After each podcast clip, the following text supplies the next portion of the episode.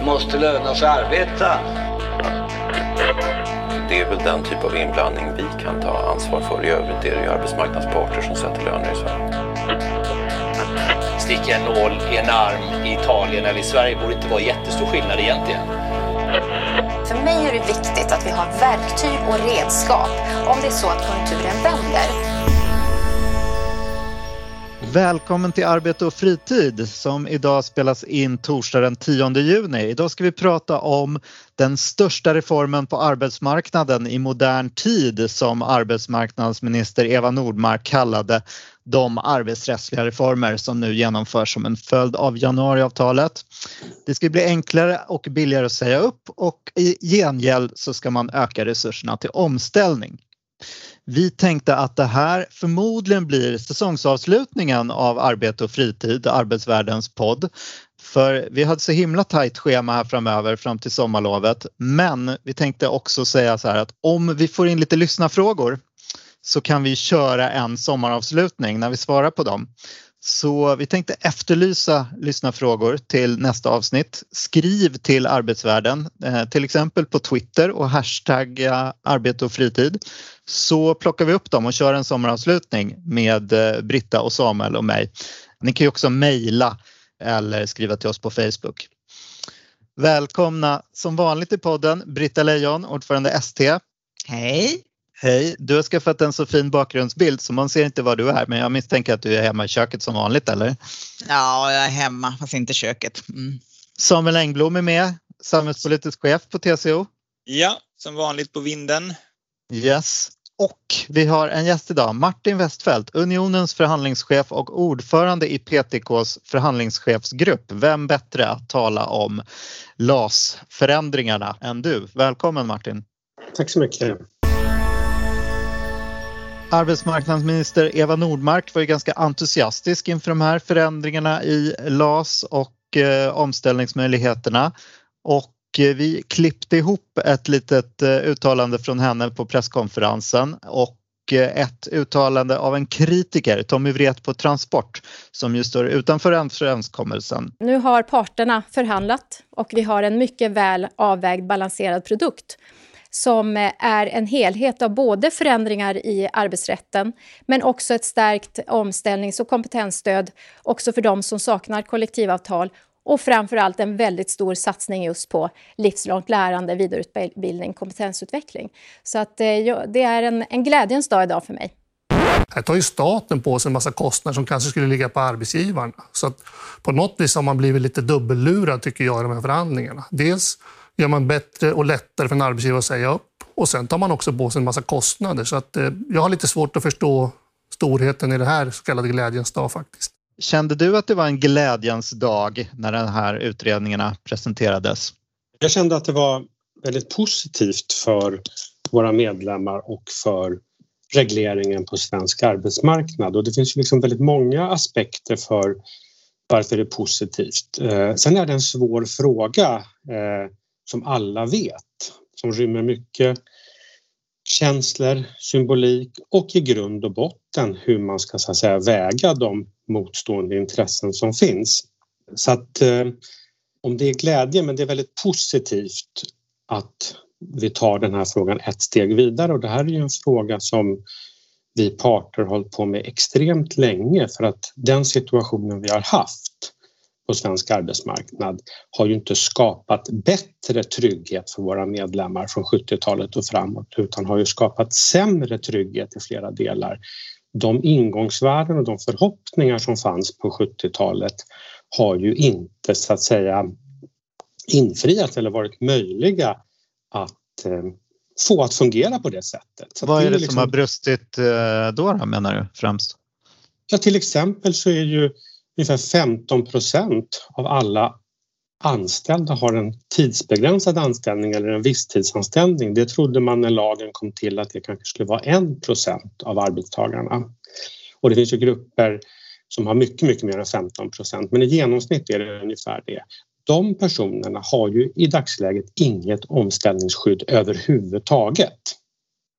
Och det är ju liksom närmast en hygienfaktor för oss parter att lösa och det löser vi i den här överenskommelsen. När du säger att du är positiv, vad, vad, vad är du mest positiv till? Vad är det bästa med eh, både överenskommelsen då och eh, de här utredningarna, det som ska gälla för alla på arbetsmarknaden? Nu skulle jag säga att, att dels att vi parter återtar kontrollen eh, som vi förlorade på 70-talet, den återtar vi. Sen gör vi det inte helt autonomt och självständigt utan i samspel med politiken. Men det är det som har bedömts möjligt i den samhälle vi lever i idag. Det hade inte varit realistiskt att stoppa LAS i papperskorgen utan att hitta en ny balanspunkt där vi skapar stabilitet och långsiktiga spelregler som båda parter är beredda att ta ansvar för och inte försöka hacka sönder. Mm. Så det bästa är inte själva överenskommelsen utan det bästa är att den svenska modellen, partsmodellen Nej, nej, det är inte det bästa men det är en väldigt viktig faktor. För det är det som har gjort att regler som vi parter reglerar, de tar vi gemensamt ansvar för. Det som någon annan trycker på oss och som kanske har kommit till stånd för att ena sidan har haft framgång i påverkansarbete men det har inte varit ett gemensamt intresse. De reglerna blir inte långsiktigt stabila och bra. Men sen tycker jag att de materiella delarna i överenskommelsen och där är det ju framförallt det faktum att man under anställning, mitt i arbetslivet, kan, trots att du har en anställning, söka stöd och med stor sannolikhet få stöd för att utbilda dig och behålla en stor del av din lön för att ta ett vidare kliv, stärka din ställning på arbetsmarknaden och göra det när du själv vill, inte när du blir tvingad på grund av att du blir uppsagd av din arbetsgivare. Det är liksom paradigmskiftet i den här överenskommelsen. Vi ger våra medlemmar vingar att ta sig vidare och det är något vi har strävat efter oerhört länge men man hittills inte har hittat en modell som, som skapar de reella möjligheterna, de starka möjligheterna och det är jag mest stolt över att vi parter har förhandlat fram det och att vi nu har fått staten, regeringen, att lägga ett förslag där man då avsätter budgetmedel så att det här kan bli verklighet. Men det är inte viktigt att komma ihåg också, det är inte så att staten står för alla kostnader utan den enskilde får ju gå ner i lön men får ju jämfört med studielån väldigt mycket bättre stöd. och arbetsgivaren har också en kostnad. Ja. Vi kan väl komma in sen på skillnaderna liksom i av det som är avtalat mellan parterna och det som blir lagstiftning just kring utbildningsbiten. Men vad är det sämsta med överenskommelsen då? Ja, men det är ju alltid så i en förhandling att inget är gratis utan det är för att säga ett givande och tagande. Och då är det klart att de eftergifter vi har gjort i turordning, både i lag och i huvudavtal, de eftergifter vi har gjort kring personliga skäl, eh, både i lag och avtal och den reglering kring tvisterna är så att säga eftergifter. Det är inget att sticka under stol med. Så att, eh, men vi har ju bedömt att de kan vi hantera. De är acceptabla. Men det är helt klart att, eh, att det finns nackdelar. Annars hade vi inte uppnått de positiva fördelarna. Mm. Britta, ert förbund ST är ju inte med i eh, den här förhandlingsöverenskommelsen. Varför inte? Det är ju för att vi inte haft förutsättningar att säga vare sig ja eller nej. Vi har liksom inte deltagit i de här eh, mångåriga förhandlingarna som har förts på den privata sidan. Vi, jag vill bara säga det också inledningsvis att det är ju väldigt stor skillnad på privat arbetsmarknad och statlig arbetsmarknad när det gäller regelverk, eh, lagstiftning och avtal. Och det är också stora skillnader med de omställningsmöjligheter som vi har förhandlat oss fram jämfört med de som har funnits och finns på privat sida. Så att det går verkligen inte att jämföra rakt av. Men de här förhandlingarna förhandlingarna som PTK och LO och Svenskt Näringsliv har haft under många år, eh, redan innan januariavtalet kom till, de har ju inte vi deltagit i. Vi, vi finns inte på den delen av svensk arbetsmarknad helt enkelt. Så när januariavtalet eh, med januariavtalets tillkomst och den press man satte på parterna på framförallt då privat arbetsmarknad att försöka lösa det här.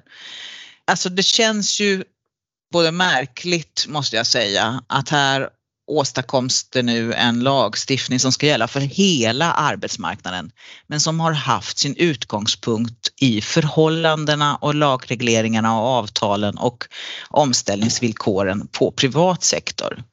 Det betyder att när det, när det nu ska bli en lagstiftning som ska gälla för hela arbetsmarknaden, även den offentliga, så funkar det väldigt dåligt för oss. Och det är väl en av, en av nackdelarna för oss. För, för oss är det så att slutresultatet som Martin eh, har beskrivit tycker jag på ett eh, bra sätt där du faktiskt inte ryggar för att också lyfta fram det som har varit eftergifter men också beskrivit fördelarna. Det, det slutresultatet det är ju då så att för oss på den statliga sidan så nackdelarna som, som finns med förändrade turordningen och förändringarna i, hur vi, i tvisthanteringen de finns där medan fördelarna som finns i, i överenskommelsen kan inte vi få del av för de, det går inte att applicera rakt av på, sven, på, på den statliga arbetsmarknaden. Varför, är det, varför går inte det då? Dels finns det lagregleringar kring vad som gäller för att anställa någon i staten och som bland annat sätter käppar i hjulet för, för jag menar, en av fördelarna som avtalet ger är ju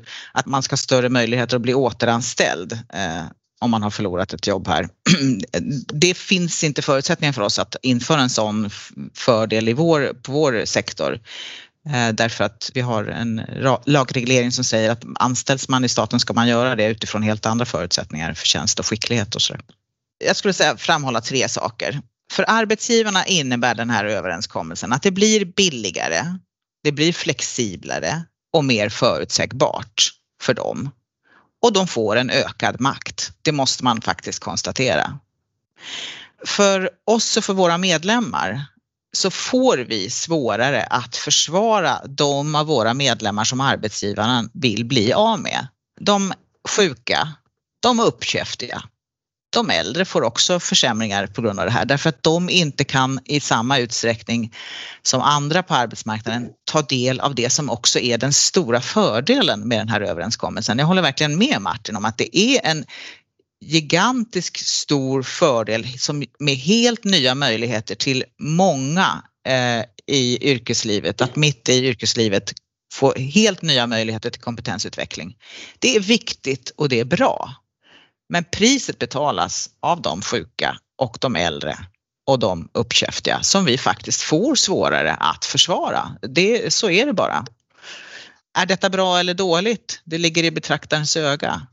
Ja, vad säger Martin? De sjuka, de uppkäftiga och de äldre. Hur ska det gå för dem?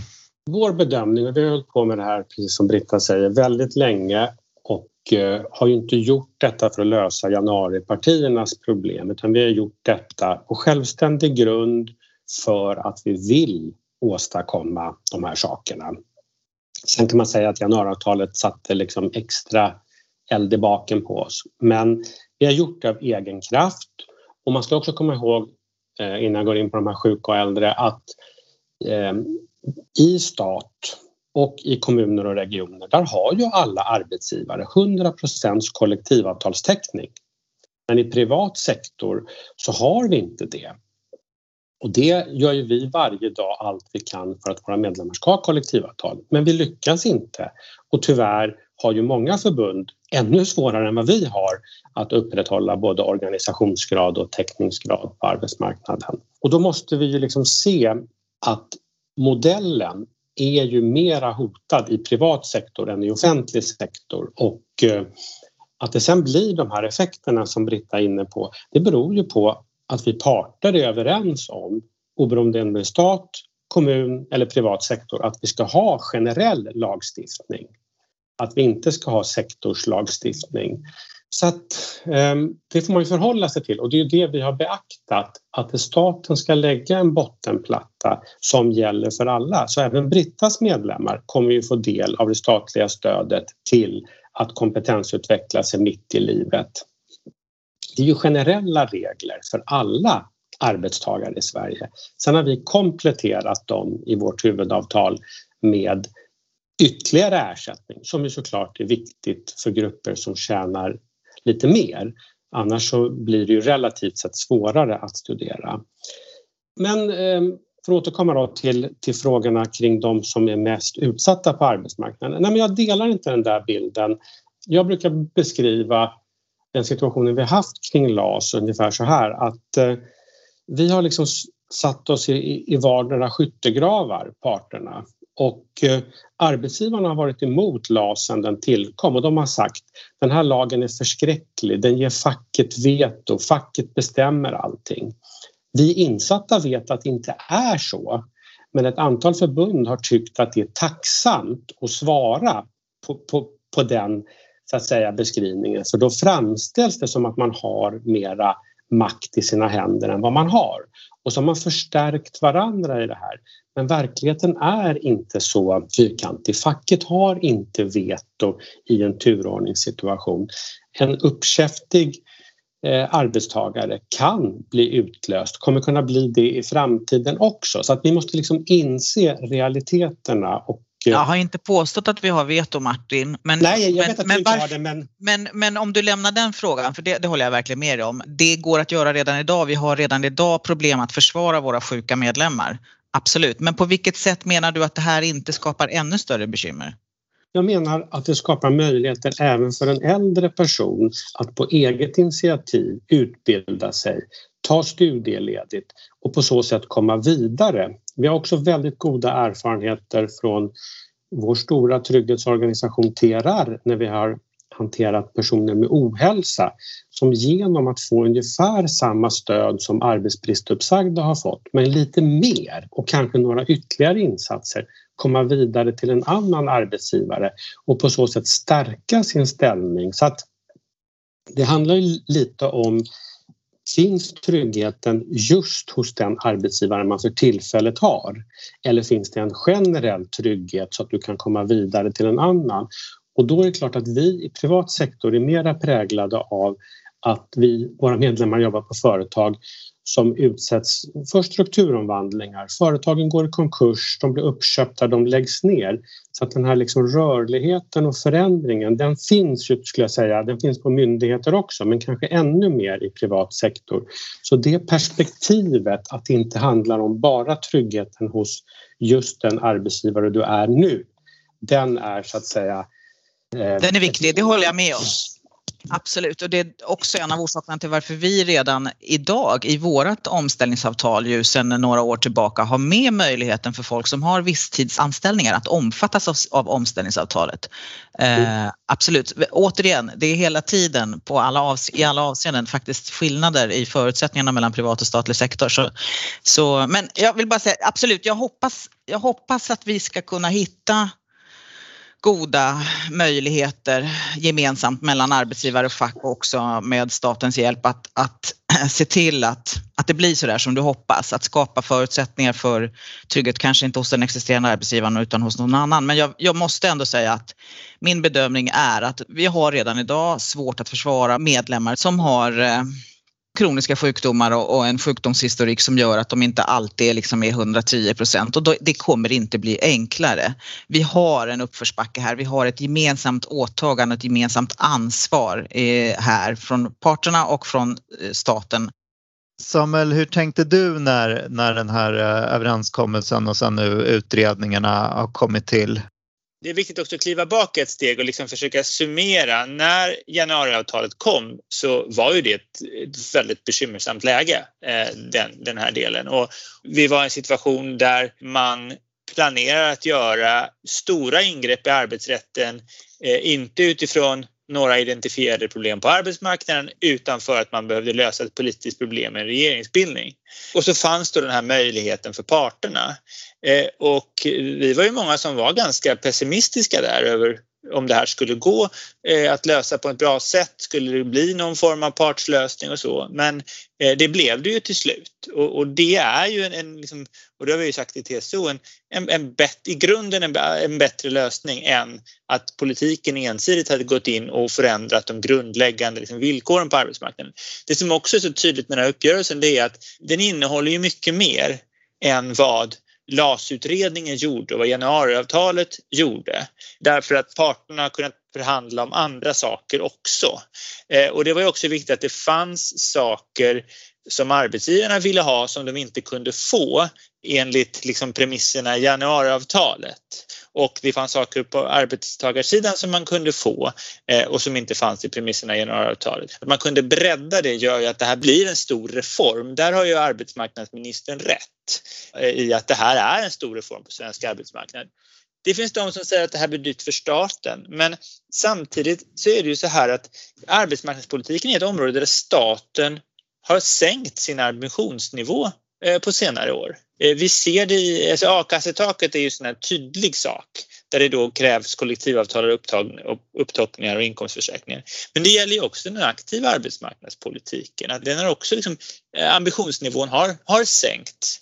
Och här kan man säga att det som sker nu är kanske en delvis då en justering tillbaka till en mer aktiv arbetsmarknadspolitik, kanske delvis en mer, förhoppningsvis då en mer proaktiv arbetsmarknadspolitik i det här att individer får möjlighet att förekomma sin arbetslöshet, förekomma sin sjukskrivning genom det som Martin beskrev, det här att, att själva kunna ta initiativ till eh, kompetensutveckling. Mm om vi också då riggar ett utbildningsutbud som passar detta. Det här är ju nästa mm. uppgift. Det är inte minst liksom, högskolorna kommer behöva göra någonting som de inte har gjort i den utsträckningen tidigare. Så det är ju liksom nästa steg i den här eh, reformen. Så det är något liksom, liksom väldigt intressant som händer på arbetsmarknaden just nu med de här. Alltså. Sen är det klart så finns det ju de här farhågorna kring vad innebär då de delar som försvagar anställningsskyddet. Det tycker jag också både, både Martin och, och liksom hans ordförande Martin Linder har olika sätt beskrivit det där också som att det är klart, det är, det är ju någonting man ger ju tar i en förhandling. Så det finns ju saker som man kanske helst inte hade gått med på. Eh, men Skillnaden är väl att med den här varianten så sker det ändå i kontrollerade former. Och det kände vi ju i Toijerutredningen, vi som, som följde den nära, att när staten kliver in då är det inte alltid realiteterna på arbetsmarknaden som är avgörande för, för vilket resultat man landar i. Och det, där är det ju alltid en, en skillnad med, med partsförhandlade regler. Sen så är det ju så att, att övriga sektorer hamnar ju då i ett lite svårt läge som Britta beskriver därför att det här man, kan, man har ju byggt ett system för hela arbetsmarknaden och det kräver ju de här kompletterande eh, delarna. Och nu krävs det då att det händer saker även på på andra områden. Och där jag, är, jag... jag är jättetacksam att vi förutsåg det här hos oss i alla fall så att vi ju sa att vi skriver inte på något avtal om vi inte får till stånd en överenskommelse om att det här måste vi justera sen när det kommer. Så att, eh, jag är glad att vi har, har det framför oss men det blir ju precis som du säger, det blir ju det blir inte enkelt för mycket av pusselbitarna och ingångsvärdena är ju redan lagda liksom. Där är det ju de som är kvar är ju den politiskt styrda sektorn. Och både, alltså, ja på den kommunala sektorn så kommer man ju med ett avtal tidigare också och sen har den statliga sektorn.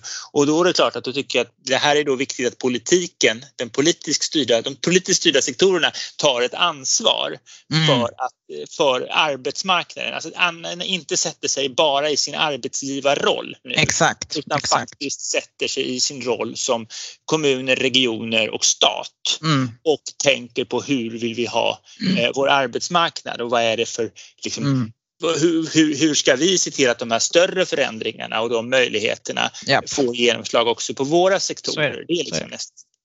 Vi har en het höst framför oss, så är det.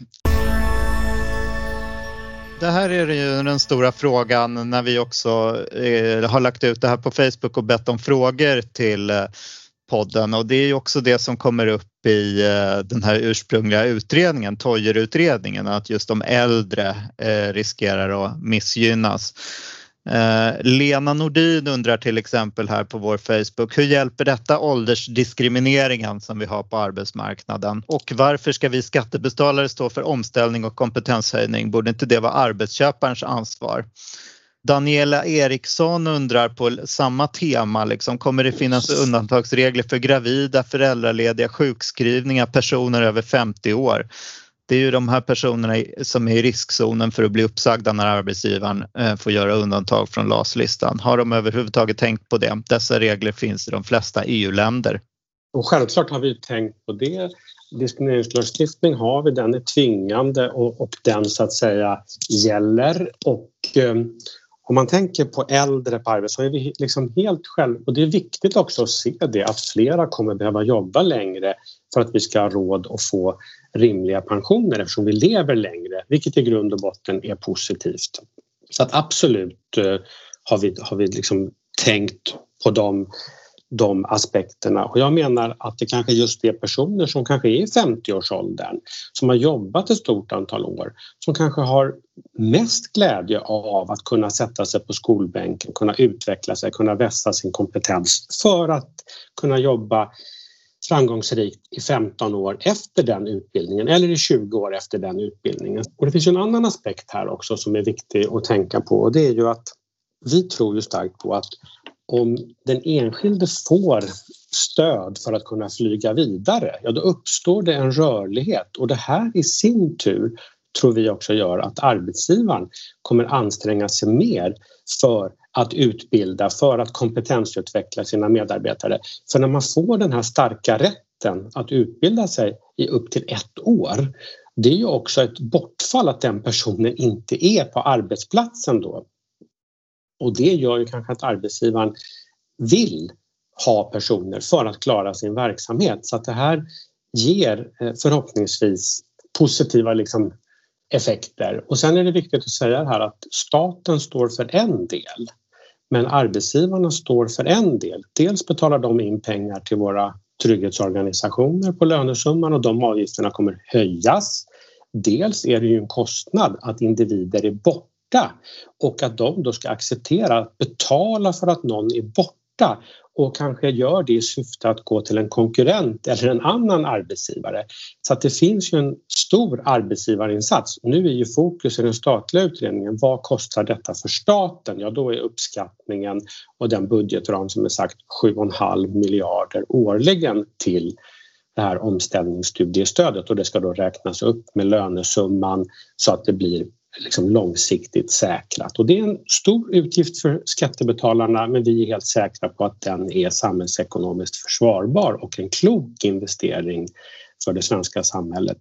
Ni har inte åkt på den här dubbelblåsningen här och att eh, arbetsgivarna i stort sett har fått eh, igenom LAS-förändringarna och sen så har de lovat att öppna statens eh, penningkassa åt er och ni har köpt det liksom så att vi skattebetalare får stå för, får stå för fiolerna liksom. Nej, det skulle jag säga att vi inte har utan statens skattepengar är ju alla medborgares pengar. Det är ju våra gemensamma pengar.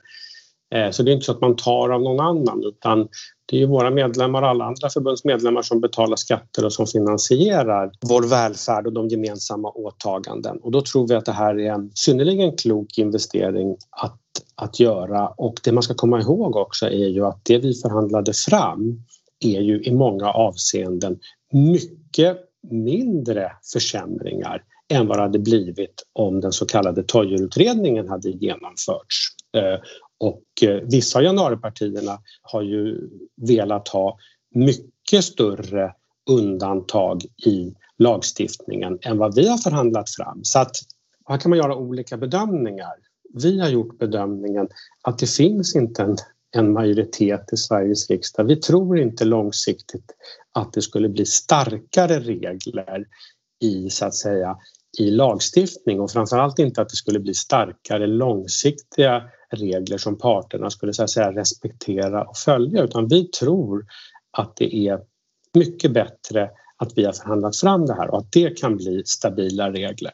Just det. När man tittar på eh, de här eh, Facebook-frågorna så undrar till exempel Håkan Bylin om du själv berörs av det avtalet som du förhandlar fram?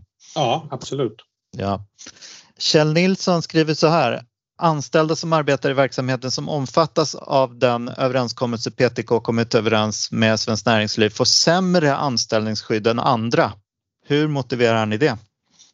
Ja, men det motiverar vi med att lagen gäller för alla. Därutöver har vi då kompletterat och då har vi kompletterat både stöd, den ekonomiska tryggheten om man blir uppsagd, hur mycket så att säga, ersättning får man, vilka utbildningar kan man gå, hur mycket av sin tidigare lön får man då under den tiden. Där fylls det statliga på och mot det så har vi då gjort ytterligare eftergifter i turordning och kring personliga skäl. Så det är helt riktigt liksom. och då menar vi att det är balanspunkter, att det här är balanserat både i bottenplattan, det statliga, men också i det kompletterande avtalsreglerade. Och eh, det där har inte alla kanske klart för sig att eh, Jobbar man hos en privat arbetsgivare med kollektivavtal så tycker de allra flesta medlemmar hos oss att det stödet man får, det är jättejobbigt att bli uppsagd Eh, men det händer, företag läggs ner. Det stödet man får hos Trygghetsrådet TRR tycker de flesta är extremt bra och, väl, och man kommer vidare och det är positivt och det är ju det vi vill bygga på här.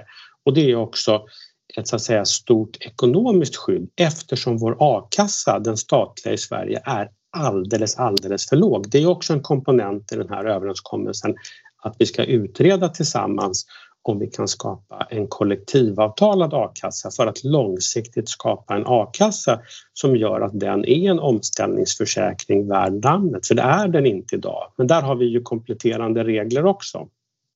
Just det, för då, det som skiljer eh, de som är med eh, bland de här parterna som har skrivit under det här avtalet och alla andra nu då, som kommer beröras av lagstiftningen. Det är på turordningssidan så handlar det om att eh, det är fem personer som kan undantas istället för lagstiftningens tre eh, på företag från turordningen och Eh, det är också 15 procent av de som är anslutna till avtalet som kan undantas då på större företag, men högst 10 procent av alla på arbetsplatsen. Eller hur? Och, men det som skiljer på andra sidan då, omställningen, eh, det får du gärna berätta om. Du var ju inne på det att ni kommer fylla, fylla upp högre andel när man är borta för Precis. studier än de här. Jag skulle vilja säga några saker om den här turordningsreglerna. Där så är det ju, skulle jag säga, lite vanföreställningar att det kanske att somliga uppfattar att arbetsgivaren har rätt såväl enligt det lagstadgade som det kollektivavtalade att peka ut vilka man vill bli av med. Och då skulle det Britta är inne på kring sjuka och äldre var en stor risk. Men det är inte så regeln är konstruerad utan det handlar om att man får, om man inte kommer överens i en lokal förhandling, man ska förhandla och så funkar det i 90 procent av situationerna att man hittar överenskommelser. Om man inte gör det, ja då finns det en möjlighet att säga vilka individer är nödvändiga för att klara verksamheten och då får man behålla dem. Och då klart att några andra med längre anställningstid blir uppsagda istället. Men det är inte så att man kan välja ut dem man vill ja, ha. Det skulle vi aldrig gå med på. Ja, fast praktiken på många arbetsplatser oavsett, oavsett om det är offentliga eller privata är ju att man hittar skäl för att man påstår att det beror på någonting annat men i praktiken så är det ju så att vi vet att vissa grupper har svårare att hävda sig och vi har svårare att försvara dem. Eh, arbetsgivarna hittar andra argument för att göra sig av med dem de vill bli av med i viss utsträckning. Vi lyckas ju eh, ibland liksom att försvara och hindra detta men, men man måste vara lite ärlig Martin också. Det, regler är en sak och praktik är en annan. Jag förstår fuller väl vad du säger, jag, jag säger jag, och det är inte så, jag, jag, beskriver verkligen inte något, något himmelrike idag. Det är svårt redan idag. Jag säger bara att det blir inte lättare framöver. Ja, men då har vi nog olika bilder. För jag skulle säga att i de allra flesta situationer så, så har vi klubbar som är starka som kan hävda in, våra medlemmars intressen så att det blir balanserade uppgörelser. Och den arbetsgivare som går in i en sån lokalförhandling och säger att de här personerna lägger fram en shitlist och säger de här vill jag bli av med. Då träffar man inte överenskommelser. Det sitter så att säga en fack, fackliga eh, DNA. Så gör ju så dumma är ju inte arbetsgivarna naturligtvis. Utan jo, det, det finns sådana dumma arbetsgivare som gör det. Då kommer man inte överens. Så det är viktigt liksom att... Beskriv inte de privata fackklubbarna som skickligare än de offentliga. Jag tror nog att vi har skickliga försvarare lokalt överallt. Eh, ja, kanske inte överallt, men på många ställen. Det handlar inte om det, utan det handlar om att vi har ibland förutsättningar ja. att jobba inte att... som inte är lätta alltså. Så Nej, det men jag, jag, jag säger inte att vi är skickliga. Jag bara försöker beskriva den bilden vi har att att det här förhandlingssystemet på de allra flesta ställen fungerar relativt bra och det är viktigt att hålla tungan rätt i mun här. Att man inte kan peka ut, jag vill bli av med de här. Man, man får en förstärkt möjlighet jämfört med idag att säga vilka vill man behålla. Så det är viktigt bara det. Men sen ska vi svara på din fråga Mikael. Ja, vad är skillnaden? Ja, den stora skillnaden är ju att det statliga stödet ger en ersättning upp till 20 500 kronor ungefär medan det kompletterande då ger 65 procents ersättning upp till månadslöner på 65 000 i månaden. Okay. det är ju väldigt stor kompletterande del för grupper som tjänar då mellan säg, säg 30 och 65 000 i månaden. Och det är ju arbetsgivarna som står för den finansieringen och det är ju nödvändigt bedömer vi för att man ska ha möjlighet. Om du tjänar 45 000 i månaden så är det inte realistiskt att leva på 20 000. Då måste du ha en kompletterande ersättning och det kan man tycka att staten borde betala. Vår analys är ju att vi har kommit långt i den här diskussionen och att det är en bra statlig bottenplatta. Men att staten skulle ta hela den kostnaden, det är inte realistiskt utan där ligger en väldigt stor skillnad. En annan skillnad är ju att kollektivavtalsreglerna då i det här huvudavtalet säger ju också att vår omställningsorganisation kan köpa in utbildningar och på så sätt ta en kostnad för att skräddarsy saker som kan passa en, en tjänsteman mitt i livet så att man inte behöver gå en lika lång utbildning. Så det finns liksom många olika komponenter och sen har vi också ett försäkringsinslag då apropå det här som har diskuterats mycket kring uppsägningar av personliga skäl och ogiltigheter där vi också har en kompletterande försäkring som gör att du får en reell möjlighet, även om du tjänar lite bättre, att kunna tvista med din arbetsgivare och ha din försörjning under tvistetiden. Så det är många olika byggklossar som ger kompletterande stöd. Absolut. Och Martin, jag, tyck, jag tycker att de här omställningsdelarna eh, är riktigt bra, absolut. Det, det är, kommer att vara jätteviktigt och väldigt bra för både de enskilda individerna, väldigt stora löntagargrupper som, som får möjlighet till en praktisk möjlighet till att ställa om mitt i livet. Det ger ökad trygghet för många och det kommer också vara bra för, för liksom Sverige som nation, vår arbetsmarknad och vår, vår kompetens och omställningsförmåga som nation. Så det, det är genuint bra, det är det. Jag ska inte ja, bara det, vara kritisk. Nej, det, det, det, det, är kul att höra och det tycker väl de flesta. Så att skiljelinjen här är väl, skulle man kunna uppnå de här förbättringarna på annat sätt? Och då är vår bedömning att det här har varit det bästa sättet som vi har kunnat komma på för, för att skapa de här förbättringarna. Hörni, vi ska väl komma in lite på det här med att eh, saklig grund ändras till sakliga skäl vid uppsägning. Det ska förtydligas vad som gäller eh, för en giltig uppsägning på grund av personliga skäl. Reglerna ska vara dispositiva. Ja, det blir till exempel enklare för en arbetsgivare eh, genom att företaget bara behöver försöka omplacera en gång en person då. Och eh, man behöver inte heller bry sig om om det finns någon prognos för förbättring eller om det finns personliga intressen som till exempel stor försörjningsbörda för den uppsagde. Säg någonting om det där. Vi får se, Samuel kanske vill hoppa in här. Du håller ju en så låg profil i den här podden. Eh, men vad säger Martin om de här eh, försämringarna möjligen ur, ur eh, arbetstagarnas perspektiv?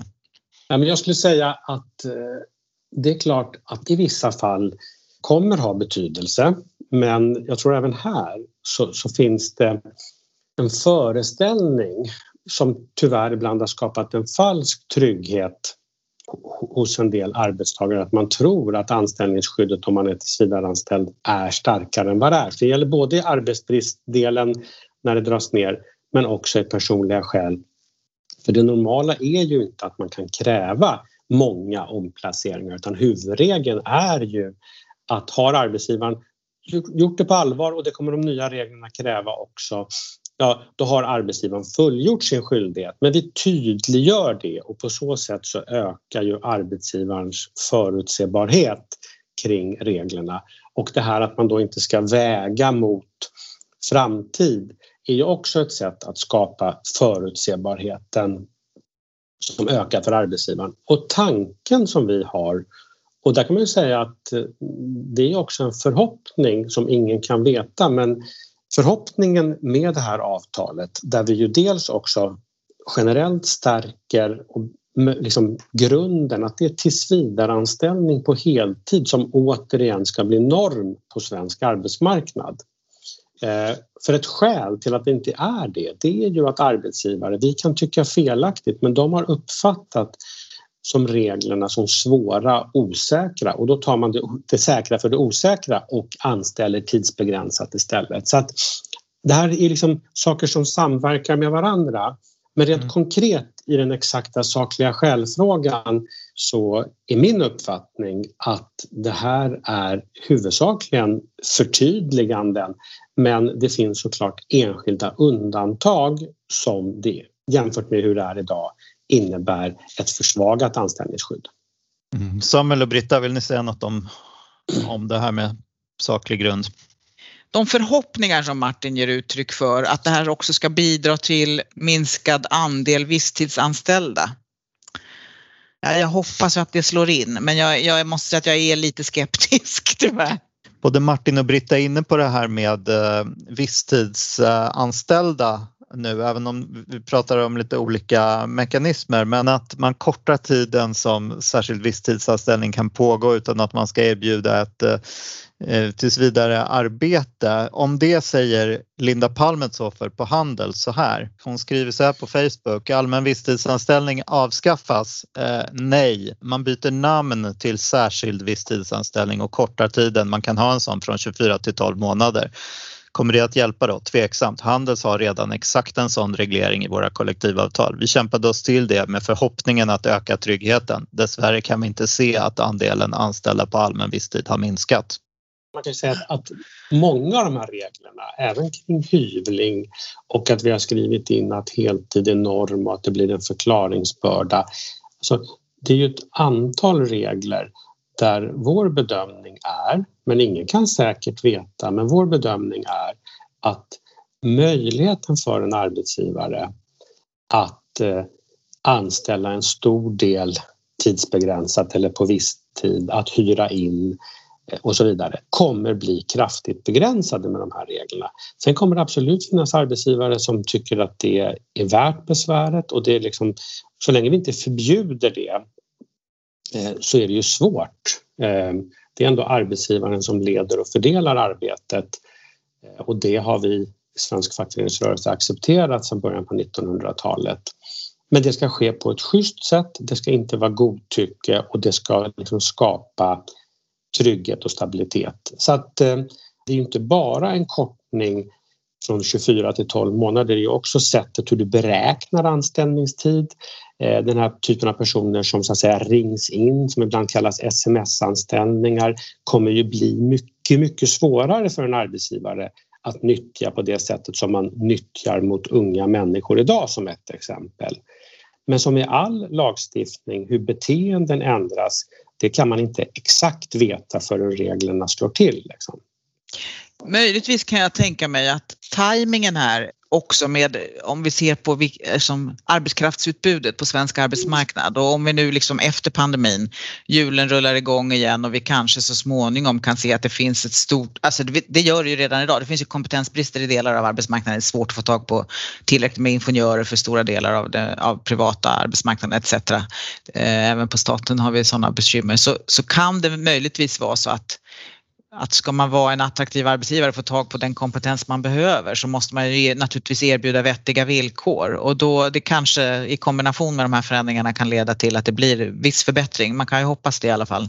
Men jag ser också en risk för en tu, eh, ytterligare tudelning av arbetsmarknaden i eh, den del som har liksom bra villkor och den som inte har det. Men, men det beror ju på så mycket annat. Det beror ju på liksom ekonomiska förutsättningar och inte bara på lagstiftning och sådär.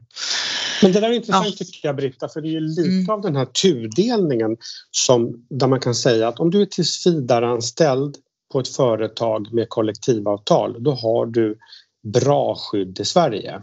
Det är min uppfattning. Absolut. Eh, men den gruppen som är tidsbegränsat anställda eh, på väldigt korta kontrakt och så på företag utan kollektivavtal, då har du ett väldigt dåligt skydd. Och överhuvudtaget den här liksom skillnaden som man ibland beskriver som insider-outsider, den är ju ett problem. Och det är ju en av de saker som vi vill åstadkomma med det här. Det. Ta mm. bort de skillnaderna. Och priset för att ta bort det är ju lite försämringar för de som har det bästa skyddet idag och kraftiga förbättringar för de som har det sämsta skyddet. Och sen tror vi att de försämringar vi gör för de som har det bästa skyddet vägs upp i flera delar av förbättringar för dem också kring möjligheten att studera till exempel. Så att jag tycker vi måste tänka här på att svensk arbetsmarknad fungerar inte optimalt. Vi har ett stort problem med personer där skillnaderna i villkor är stora mellan olika grupper och det vill vi på det här sättet faktiskt minska. Absolut, jag förstår ambitionen. Jag tycker bara att det är lite bekymmersamt att de förbund som eh, organiserar stora delar av den delen av arbetsmarknaden där man har mest otrygga villkor och där, där det är mycket arbetskraftsinvandring som, som behandlas superdåligt. Liksom. De är ju väldigt kritiska och de, de uppfattar ju uppenbarligen inte att den här överenskommelsen eh, leder till de där förbättringarna. Har de missuppfattat överenskommelsen Martin? Eller ursäkta Mikael att jag ger mig och ställer frågor. Det får, ju, det, får ju de, det får ju de lite svara för. Vi kan ju bara notera att IF Metall och Kommunal gör samma bedömning som PTK och Kommunal har många grupper som jobbar i privata verksamheter, fler än man tror. Av deras 600 000 medlemmar så jobbar väl minst 100 000 privat. Personliga assistenter, många som har, har, en, har ett dåligt skydd idag i, flera, i olika avseenden. Och de gör bedömningen att det här kraftigt förbättrar, som Johan sa, för, för så att säga vanliga arbetarkvinnor. Eh, så att eh, och så är det, men byggnads, byggnads och transport och, och mm, Handels gör en annan bedömning. Ja, precis. Absolut, så, så absolut. Det, det får man ha respekt för. Sen är det inte så att byggnadsarbetare i Sverige är den mest utsatta gruppen på arbetsmarknaden. Men, men In, inte de som tillhör de seriösa arbetsgivarna men vi har väldigt stora problem med en, en uh, arbetskraftsinvandring i vissa delar av den marknaden ja. som inte är, inte är schysst där vi ser ett stort utnyttjande av människor. Absolut, absolut. Nej, och jag vill inte värdera utan jag kan bara konstatera att vi har också, var och en får göra sina värderingar. Vi har haft långa och svåra diskussioner i unionen i PTK. Det här är svåra frågor. Det är alltid svårt att hitta förhandlingslösningar. Fördelen är ju att när man gör det, då har man vridit och vänt på frågor och om man hittar den här balanspunkten, ja då är förutsättningen att det kan skapa stabilitet och att man bär det här gemensamt större än om man inte kommer överens. Man måste ju också sätta liksom alternativen mot varandra. Absolut. Ja men hörni, jag hoppas att eh, lyssnarna har fått lite orientering i frågan, fått höra lite argument från båda sidor och eh, fått vara med här med eh, en av överenskommelsens pappor, Martin Westfeldt och på så sätt fått inblick lite i hur resonemangen har gått. Det blir ingen satir den här gången men eh, vi fick ju å andra sidan lite läsarinteraktion den här gången med frågor. Vi vill tacka så jättemycket till er som ställde frågor och vi ska bli duktiga på att efterlysa frågor också i kommande avsnitt. Hörni, tack eh, Martin Samuel och eh, Britta som var med i podden den här gången. Eh, Anders Ljung klipper podden och för att inte missa några avsnitt ska man förstås prenumerera i sin poddspelare ställ nu frågor som jag var inne på i början av podden. Till exempel på Twitter tror jag nästan är enklast. Och så ska vi försöka köra ett sommaravsnitt. Annars tar vi upp dem efter sommaren. De som känns aktuella då. Tack så jättemycket för idag hörni. Tack så mycket.